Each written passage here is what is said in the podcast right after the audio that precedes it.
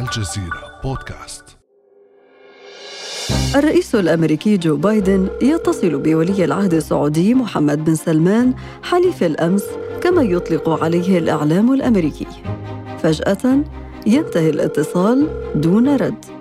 يتصل بايدن مرة ثانية لكن بن سلمان لا يجيب.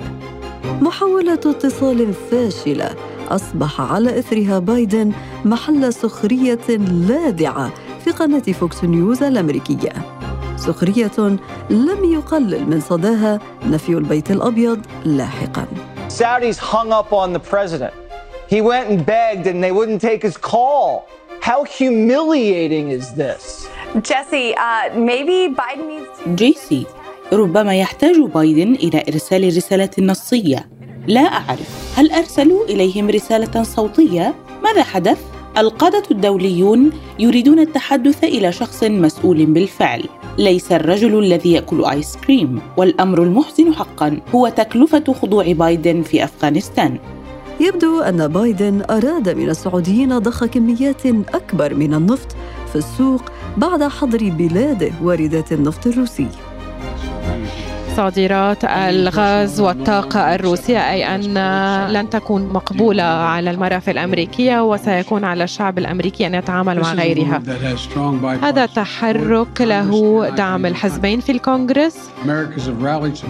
والشعب الأمريكي قد توحد من أجل أن يدعم الشعب الأوكراني وأوضحنا أننا لن نكون جزءا من دعم حرب بوتين. هذا القرار هو بالتشاور مع شركائنا وحلفائنا في العالم لا سيما أوروبا لأن الرد الموحد لعدوان بوتين كان أمرا ركزت عليه ألا وهو أن نبقي كل حلفائنا وشركائنا في الشمال الأطلسي وأوروبا موحدين. في المقابل يتصل بن سلمان بالرئيس الروسي فلاديمير بوتين ليتم لاحقا إعلان الإبقاء على إنتاج النفط دون زيادة. فيما نائب رئيس الوزراء الروسي ألكسندر نوفاك يحذر من أن رفض أمريكا والدول الأوروبية للنفط الروسي قد يرفع برميل النفط إلى عتبة الثلاثمائة دولار. Абсолютно очевидно, что отказ от российской нефти من الواضح تماما أن التخلي عن النفط الروسي سيؤدي إلى عواقب كارثية على السوق العالمية الأسعار قد تتجاوز 300 دولار للبرميل إن لم يكن أكثر من المستحيل استبدال النفط الروسي في السوق الأوروبية بسرعة سيستغرق الأمر أكثر من عام وسيكون أكثر تكلفة بالنسبة للمستهلكين الأوروبيين الذين سيكونون الضحايا الأساسيين. يجب على الساسة الأوروبيين أن يحذروا مواطنيهم والمستهلكين مما ينتظرهم. ولدى روسيا القدرة على إعادة توجيه صادراتها من السوق الأوروبية إلى أسواق أخرى. إلى أين سيصل سعر برميل النفط؟ وهل تتحمل اقتصادات أوروبا فاتورة الطاقة في ظل القفزات الجنونية لأسعار النفط وما مصير الدول غير النفطية وكيف سيعيد الذهب الأسود تشكيل الخارطة الجيوسياسية العالمية.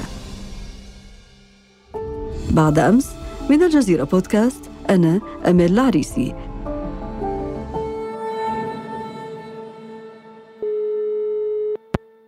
هذه الحلقة أسعد باستضافة الدكتور حاتم غندير رئيس القسم الاقتصادي في قناة الجزيرة. أهلا وسهلا بك دكتور حاتم. مرحبا مرحبا أخت أمال وبكل المستمعين. بداية دكتور حاتم ماذا بعد القرار الأمريكي وقف واردات بلاده من النفط الروسي؟ آه نعم نحن آه نعرف انه وقف الواردات من النفط الروسي يعتبر قرار آه مهم جدا بالنسبة للولايات المتحدة الأمريكية سواء القرار على الصعيد السياسي أو على الصعيد الداخلي أيضا الاجتماعي في في أمريكا. آه هذا القرار كان من أجل الضغط أكثر على روسيا بسبب الحرب في في أوكرانيا وهو قرار تعرف الإدارة الأمريكية والبيت الأبيض إلى أي حد أنه يؤثر على الداخل الأمريكي. لذلك كان هنالك نقاش داخلي داخل أمريكا بين أعضاء الكونغرس من الحزبين الجمهوري والديمقراطي وأيضا كان هنالك كانت هنالك محادثات مع الجانب الأوروبي على أساس أنه ربما هذا القرار يكون يعني أبعد من الولايات المتحدة الأمريكية قرار غربي بشكل عام. لكن في نهاية المطاف بعدما أدرك الأمريكيون أن الدول الأوروبية لا توافق على هذا القرار اتخذ هذا القرار بشكل فردي لكنه بإجماع تقريبا من من الديمقراطيين والجمهوريين على السواء نظرا لحساسية هذا القرار ونظرا لأهمية هذا القرار على الصعيدين كما قلت آه، على الصعيد الداخلي الأمريكي بشكل أساسي وعلى صعيد الحسابات السياسية الأمريكية. لكن بعد أن اتخذ هذا القرار نعرف بأن الولايات المتحدة الأمريكية ليست مستهلك كبير للنفط الروسي، الولايات المتحدة الأمريكية هي آه، أكبر منتج للنفط في العالم.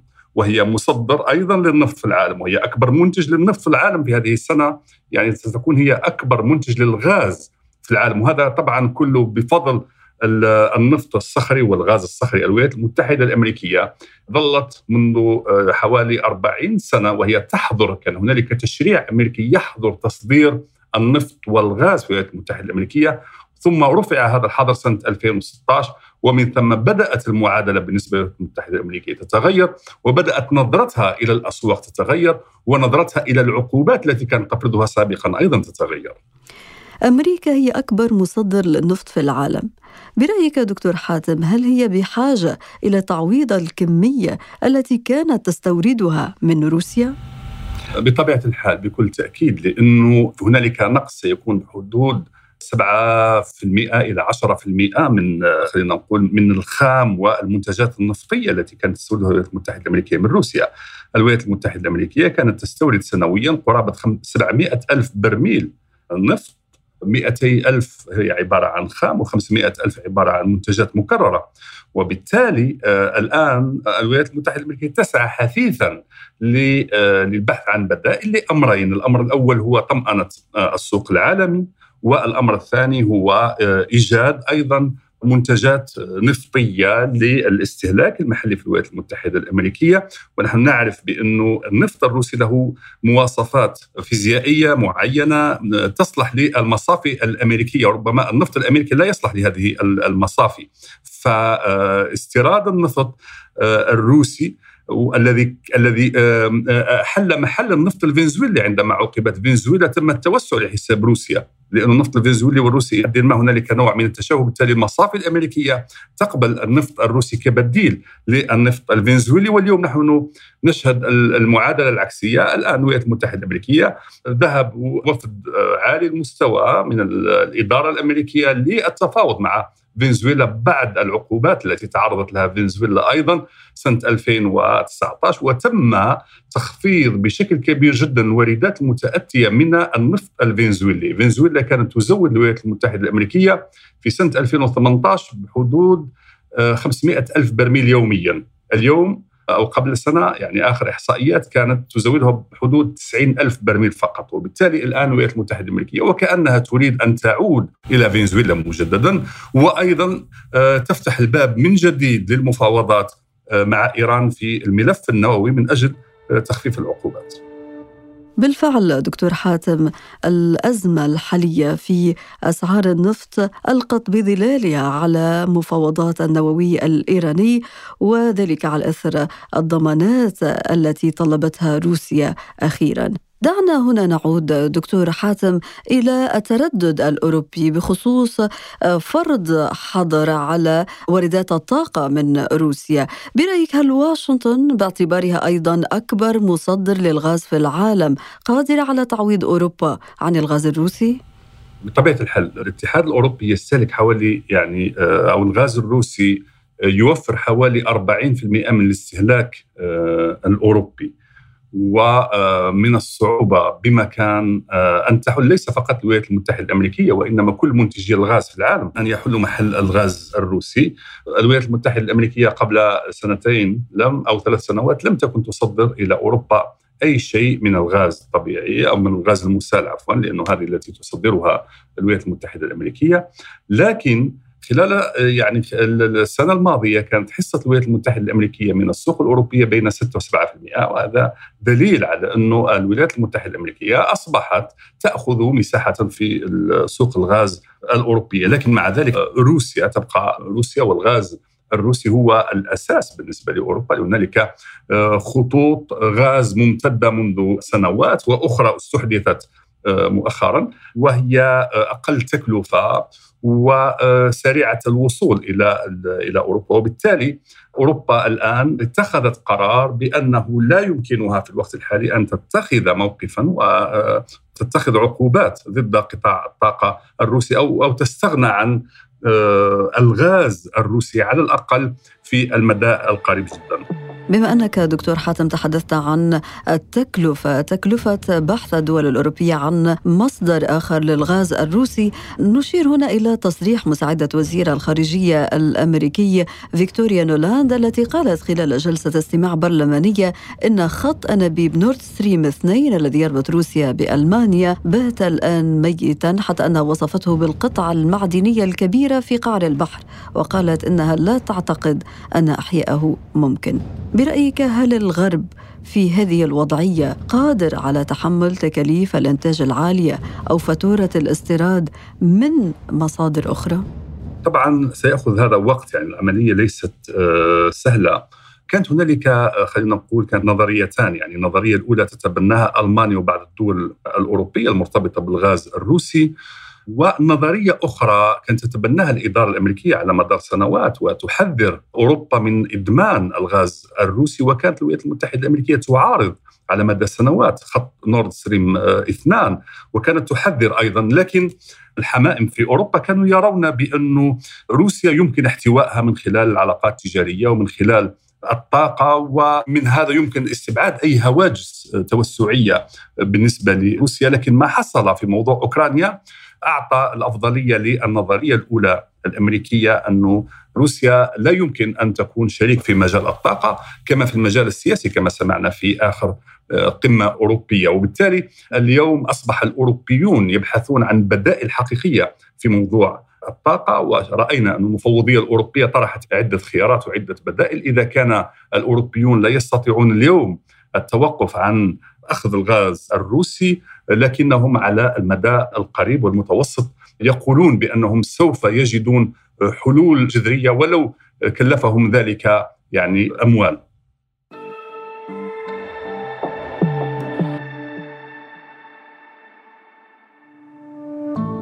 ابقى على تواصل مستمر مع الجزيرة بودكاست ولا تنسى تفعيل زر الاشتراك الموجود على تطبيقك لتصلك الحلقة يومياً.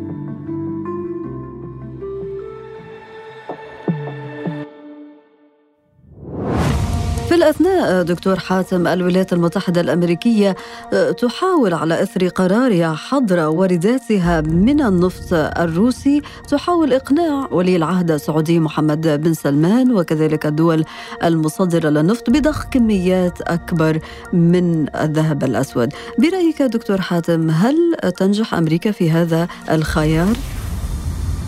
دعني أقول بأنه طبعا السعودية وروسيا هما أكبر آه، منتجين يعني في مجموعة أوبك بلس يعني السعودية أكبر منتج في أوبك وروسيا أيضا أكبر منتج من الدول خارج أوبك.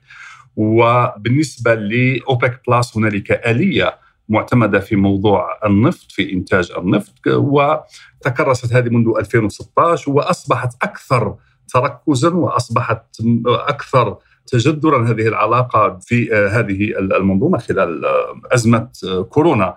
وبالتالي السعودية كان هنالك اتصال مع آه، بوتين وأكدت السعودية كما أكدت الإمارات أيضا بأنهم ملتزمون باتفاق أوبك بلس الذي يقضي بإضافة 400 ألف برميل شهريا حتى تعود إلى مستويات ما قبل الجائحة يعود الإنتاج إلى هذا المستوى.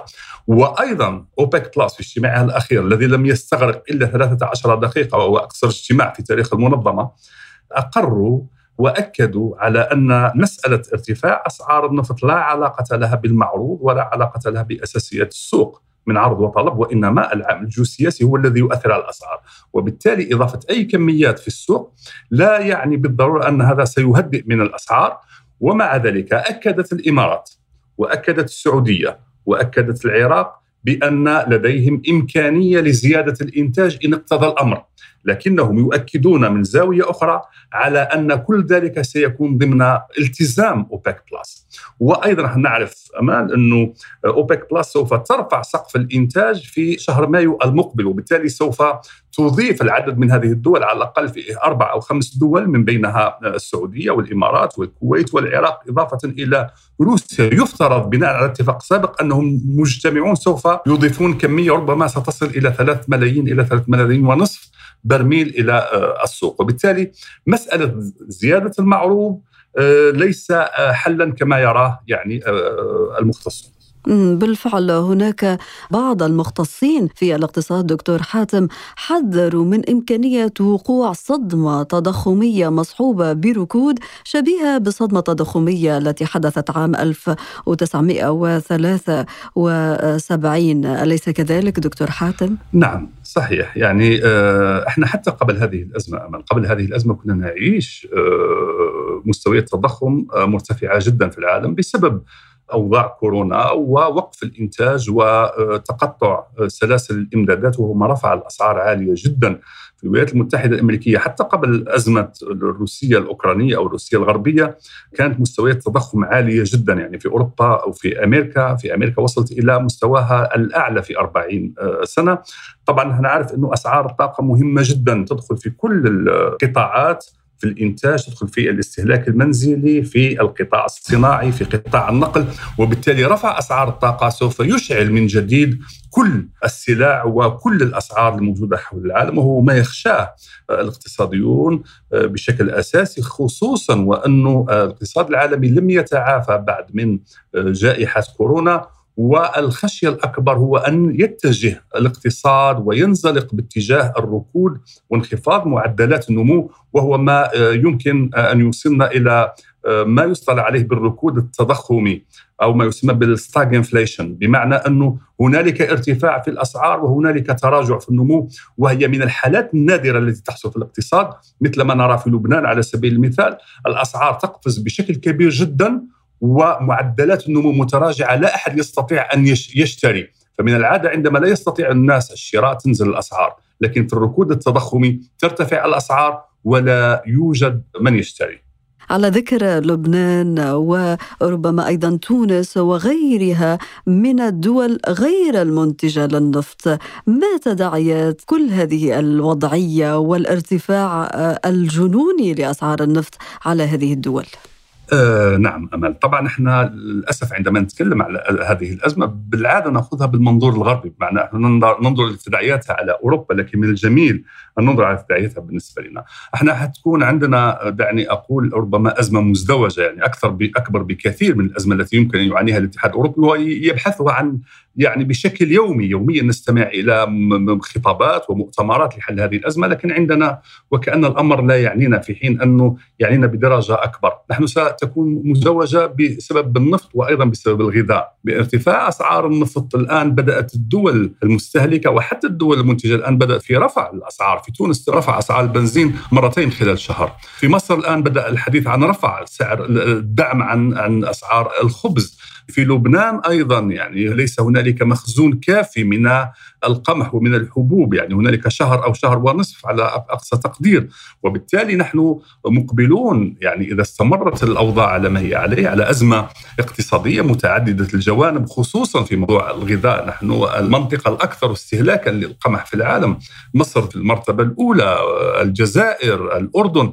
هنالك استهلاك يتعدى آه، ثلاثة أضعاف المعدل العالمي من القمح وبالتالي ستكون هنالك ارتفاع سيكون هنالك ارتفاع جنوني في الأسعار، الحكومات بدأت تبحث عن بدائل آه، عن آه، ونحن نستورد أغلب أكثر من 50% إلى 60% وفي بعض الحالات في الدول 80% مرتبطة بالقمح وبالذرة والمحاصيل التي تأتي من البحر الأسود بين روسيا وأوكرانيا وبالتالي آه، إذا استمرت الأوضاع على ما هي عليه فالأزمة الاقتصادية ستتعمق أكثر في المنطقة العربية في آه، ظل عدم وجود بدائل لهذه السلع والمنتجات.